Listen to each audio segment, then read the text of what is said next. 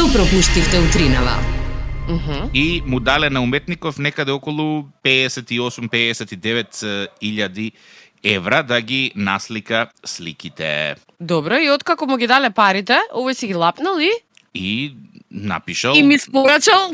бело платно со наслов земи ги парите и, и бегај. Што Чекај, па тоа всушност- може да, да, да биде и композиција, нели? Земи ги парите и бегај. Зем- да. Затоа што е во доменот на уметноста. И Да. И сега музејов си ги бара парите назад, бидејќи тврди дека овој ги измамил и не им испорачал слика. И како овој сега вика, музејот се дрзнува... Да, овој вика, ја ви испорачав слика, еве бела слика, земи ги парите и бегај, така се вика насловот на композицијата. Добро, и сега како ова, ова како ќе се реши на крајот ме интересира. Како судски би се решило? Затоа што уметност може да биде било што. Апсолутно може да биде било што. Се она што уметникот смета дека е уметност, е уметност, нели? Тој го замислил така и реално ако видиш земи ги парите и бега е стварно со белото платно со одејства, тоа е тоа. Ама, И добро, дали ги закачиле двете бели платна? а ги закачиле и му шибнале тужба и судот судот пресудил погоди во чија корист. Не знам. Во корист на музеот. Уметников треба да ги плати назад 50 и кусур илјади евра. А, Е ли шокиране? Што е денес со уметнициве и пеачиве? Еден од краварите бара пари, друг не сака да црта, обесува бело платно. На вистина не ми се јасни некои работи. Значи, човеков уметников добил само 6000 евра за трошоци за материјалите и за тоа што сликата била изложена неколку дена, меѓутоа грото од парите морал да ги врати. Многу ми е. Мислам дека многу креативно го решил проблемот. Човекот. Па да, па е да. сега тоа што уметнист, у- у- музеот не знае да го цени тоа, тоа не е негов проблем. Во секој случај лошо. Се надевам дека уметниците на други места се по Фер, ценети и по фер. Да. ако ништо друго. Добро, еве уште една лекција како да го завршиш домашното без да го завршиш домашното, ама на крај внимавајте да не треба да ги вратите парите назад.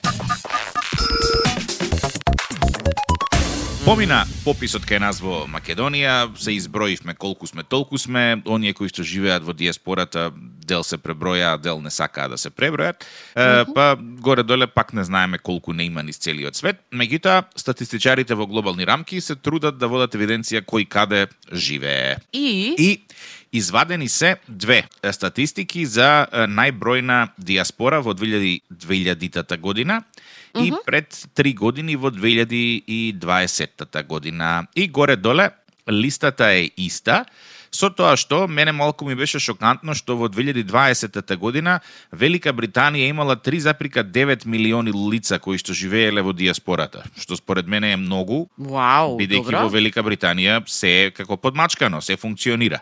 Така. Па, според бројките што ми ги кажаш на раселени лица, може би и не е баш се така розево. А, во 2000 во 2000-та година Афганистан имал 4,8 милиони диаспорци. Па потоа доаѓаат Бангладеш со 5,4, Украина со 5,6, Кина со 5,9, Индија со 7,9, Мексико со 10 милиони и Русија е, на врвот во 2000 година со 10,7 милиони лица кои што живеат во диаспората. Е сега 20 години понапред, некои работи значително се менуваат. Една од Сакаш ми работите која што други луѓе, други нации се сега на врвот? да. А, Русија си е тука константна, значи 10,8 милиони. Машала. А, Украина има 6,1 милион, како резултат најверојатно на, на војната. Велика Британија ја нема. Афганистан е, го нема. А, Меѓутоа, на местото на Афганистан се појавува Пакистан со 6,3 милиони, па следи Бангладеш со 7,4, па Сирија, поради целата таа војна што се случува таму, 8,5. А, Бројот на кинези се дуплира за 20 години, 10,5 милиони. Бројот на мексиканци се покачил за 2 милиони, 11,2 и земја со најголем број диаспорци, што мислиш кој е? Еве, немам појма. Ние? Тропниот не. ракав. Ние, да. не сме ние. Треба да е некоја која што има повеќе од 11 милиони. Ние преку сила сме 3. Леле, не знам. Кажи ми. Индија, Зорке. Леле, како не ми текна на 17, Индија. 17,9 да. милиони индици живеат во диаспората. Вау, Тоа се шест Македонии, седум Македонии. Хм. Си викам замислен никогаш да си се вратат сите во своите краишта и таму да продолжат да си функционираат и, и да си постојат и да си живеат. Како тоа би изгледало, не знам. Е па замисли целата наша диаспора да се врати сега во во Македонија, еве да ги има и милион да кажеме, што ќе се случи, ќе крахира системот. Мислиш? Па мислам дека е не неиздржливо. Теоретски не не е можно, не постојат толку ресурси за да Живеалишта, ресурси. ресурси да го направат сето тоа, да. Па да, ама може би тогаш ќе биде можност да се изградат нови, дополнително. Нема добро. Што е тука е? Ова е приказна на што би било ако би било и отворена за толкување и за размислување. Еве ти е, тема со која што може да си го е, мачиш мозокот утринава, што би се случило ако сите би се вратиле назад во своите матични земји да се живеат онаму од каде што дошле. Како ќе Ос. биде поубаво, полошо, исто, чудно, не знам. Добро утро, срекна среда е денеска, социјалните мрежи горат. Извади го телефонот, најди не горе лево, кликни на лайк и заследи и тоа е тоа. Горе лево, Па да, лево е копчето така или десно? А, не знам дали знаеш, ма не знам. Ќе треба да пробам. Не си единствена што не знае. Смешно и симпатично, ама а, не знам дали знаеш дека 30% од луѓето не знаат од прво да разликуваат кој е лево, а кој е десно. Им треба неколку минути време или некои специфични а, начини на кои што одредуваат кој е лево, а кој е десно, за да си помогнат да го сватат моментот. И, и она најинтересното мој лево или твое лево? Значи има едно лево, вистинското лево и Е. вистинското десно. Не би рекла. Не знам колку знаеш, ама сите оние кои што ме знаат подобро, знаат дека малку ми е тешко да разликувам лево и десно. И мислам дека е многу сериозен проблем, се дека не налетав на податок дека многу луѓе кријат дека не знаат кој е лево а кој е десно. Едноставно заради тоа што се плашат дека ќе бидат лошо проценети од другите.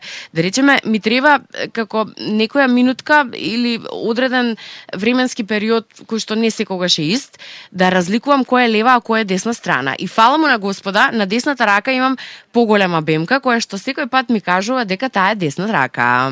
Ја мислам Например- Зорке да си истетовираш жмигавец на лева рака, жмигавец на десна рака и така ќе знаеш. Па, е, генерално немам проблем кога знам во која насока треба да одам.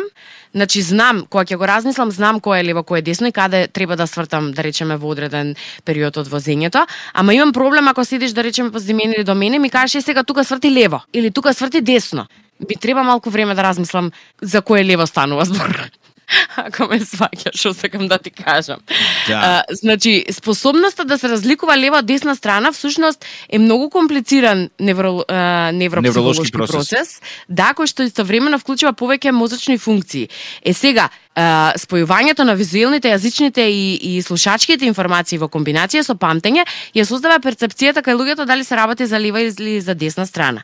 Ако случајно свртиш лево наместо десно, нема да остави никакви трајни последици, ама погрешна страна, да речеме, во текот на некој хируршки зафат може да биде многу трагично за пациентот. Затоа е многу внимателно и многу е, потребно да кажете ако немате ваква способност. Например, мене на радио баш ми е гале, немам копчиња, немам нешто страшно. Лево ли е, десно ли е, ќе помине емисијата. Ама некој кој што работи реално со е, страшни работи, во смисла страшни работи, каде што е многу битно да бидеш прецизен треба да да им каже на на неговите претпоставени дека има сериозен проблем со тоа, заради тоа што тоа не е некој сериозен проблем кој што не може да се реши. Значи ти треба малку повеќе време за да размислиш која е лева, која е десна страна, ама не дека нема да знаеш во текот на времето. И сега, луѓето да речеме многу се плашат да кажат дека имаат проблем со ова, ама податокот до кој што дојдов е дека дури 30% од луѓето имаат ваков проблем а не сите признаваат. И многу е интересно дека научно е докажано дека конфузијата на лева и десна страна многу почесто се јавува кај жените, отколку кај мажите кои главно имаат подобра ориентација во просторот. Значи сега дигни ја левата рака да дојдам. Ам, еве. Браво! Какоринов добра ли сум, лева ли е? Петка. Лева. Какоринов не ме ни гледа, вика да, така е. Како мислиш така е? Твое лево или мое лево? Твое лево. Мое лево, таа е левата рака. Тоа е Радио 2. Добро утро. Добро утро.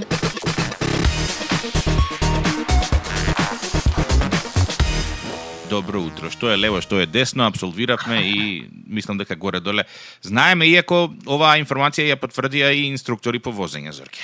Така, да. Е, не само е, што ни се јави инструктор по возење, туку една госпоѓа рече, Лера Зорка, мислев дека сум единствена што не знае лева и десна.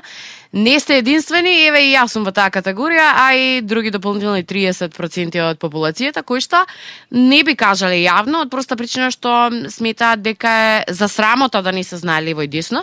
Меѓутоа, е, јас велам од друга страна едноставно нешто што не можеш да го разбереш, тоа е тоа. Не не гледам тука што е ни страшно ни страмно. Дај Боже да е тоа најголемиот проблем што го имаме во животот, да не знаеме да разликуваме лево од десно. Тоа е тоа. Е сега на тема дали знаеш, дали знаеш, да те прашам дали знаеш што е антофобија. Кога се плашиш од Анто? Но Не, нешто види, се плашиш, ама од што? Од нешто што било предходно. Затоа што анте на латински е пред, а не антофобија грешно?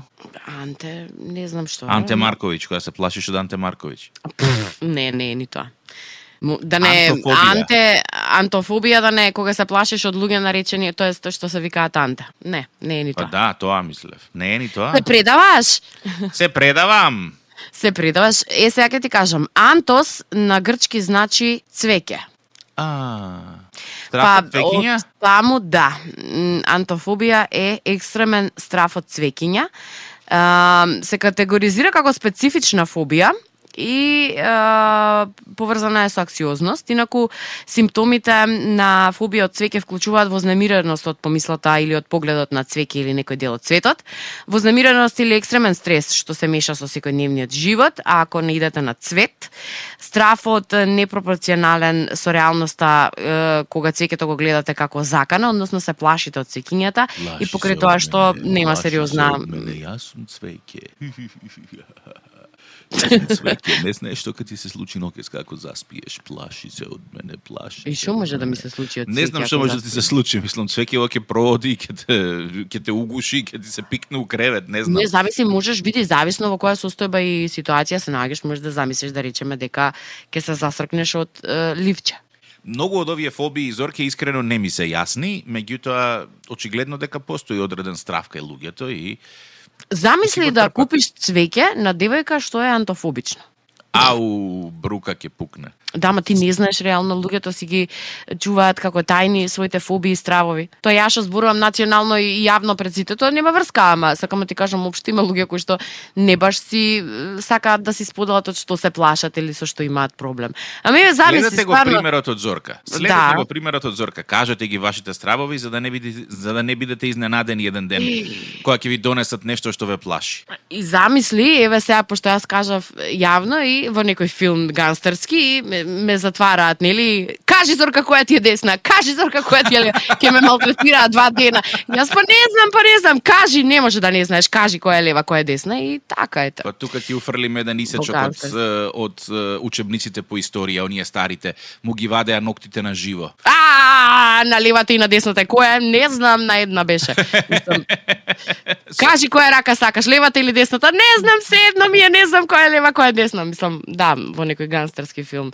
Али, или да, да речеме, еве се плашиш од цвеќиња и те киднапираат и ти постават соба со цвеќиња.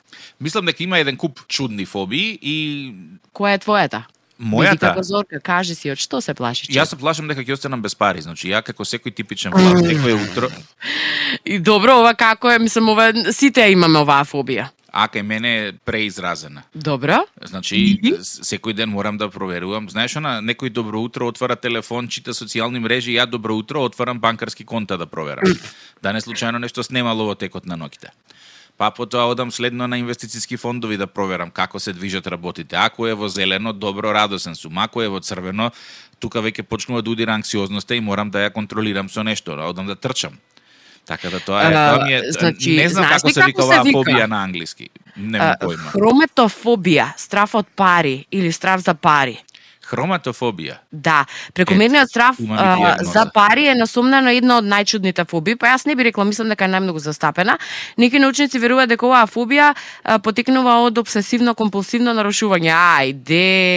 Во право се, во право се. Добро, значи ти Компулсивно, имаш компулсивно е тоа, да. хрометофобија, па сите имаме хрометофобија. Јас се плашам да отворам сметката после шопинг. Зошто? И па тргнувам да речеме по компири, се враќам со три кеси и е, компир не, нема. Не, ти е тоа фобија. Не, не, не, не. Тоа ти е? е, тоа ти е немање три чисти да се справиш со последиците од твоето однесување. Ајде, значи тоа е нешто сосема друго, не е фобија. Да, да. Добро, утринава ми е драго што се исповедавме пред вас сите почитувани слушатели за нашите фоби, пореметување во однесувањето и, и некои разно разни чудни однесувања кои што ги имавме, ама ете затоа сме си блиски, нели? Да, ова е Радио 2. Добро утро. Добро Твојата утро. фобија кај нас на социјална мрежа. Добро утро. Добро утро. Со вас се Тик-так и Зорка. Добро утро, Тик-так и Зорка се со вас. Да, да не се плашите дека не сме со вас утринава. Инаку на тема стравови, а, ви благодарам што дел од вас споделивте кои се вашите страви. Ништо не е чудно, ништо не е страшно, се додека нели е во границите на нормалата и се регулира некако. Но дали мислите дека вашите стравови се чудни и дали знаете од што се плашат славните? Да ти кажам. Од што? Еве на пример Џони Деп. Од што мислиш дека се плаши Џони Деп? Од... Немам појма. Развод? Не.